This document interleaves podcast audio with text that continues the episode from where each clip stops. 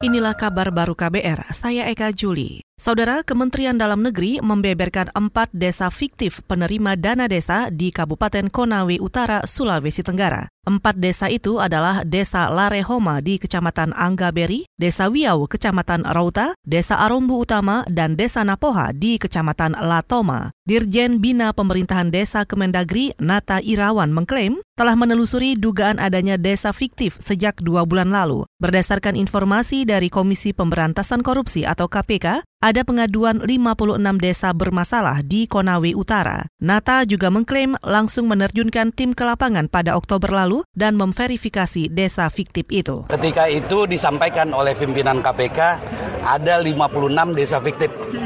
Kami catat, kami langsung bergerak, kami tindak lanjuti tanggal 15 sampai dengan 17 Oktober.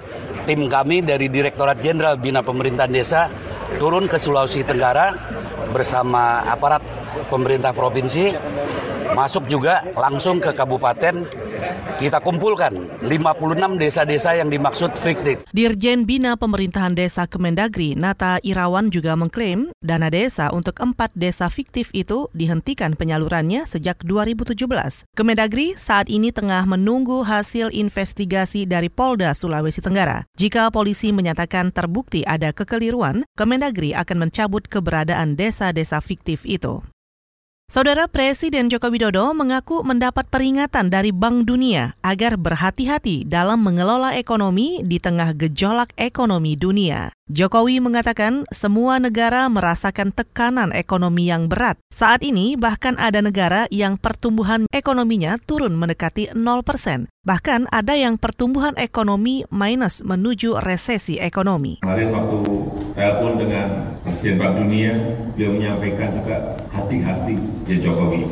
Dalam setahun ke depan hati-hati dalam mengelola baik moneter maupun fiskal Presiden Jokowi juga menambahkan tidak mudah mengelola ekonomi di tengah gejolak dunia yang berimbas kepada semua negara. Meski begitu, Jokowi juga mengatakan pertumbuhan ekonomi Indonesia saat ini masih stabil di posisi 5 persen. Jokowi mengklaim saat ini Indonesia terus menjaga ekonomi agar tetap stabil dan tidak bergejolak.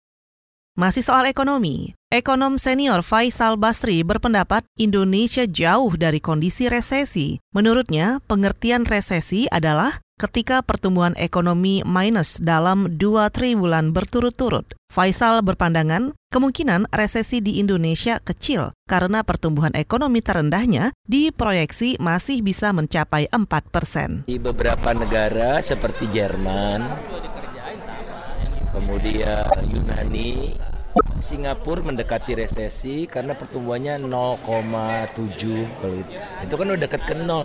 Nah, kita masih 5. Jadi jauh dari resesi.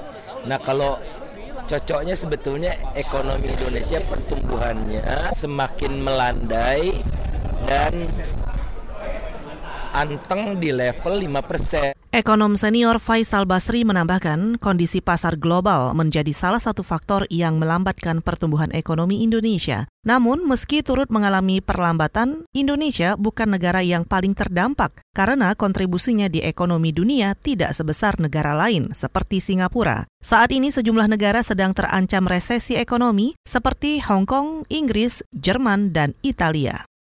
Kita ke berita olahraga. Tiga klub sepak bola memastikan lolos ke babak 16 besar turnamen Liga Champions Eropa. Tiga tim itu adalah Paris Saint-Germain atau PSG, Bayern Munchen, dan Juventus. PSG lolos dari fase grup setelah menang tipis 1-0 atas klub Brugge, sedangkan Bayern Munchen menundukkan tim tamu asal Yunani Olympiakos dengan skor 2-0. Juventus menyusul setelah susah payah menundukkan klub asal Rusia Lokomotiv Moskwa dengan skor 2-1. Saudara demikian kabar baru, saya Eka Juli.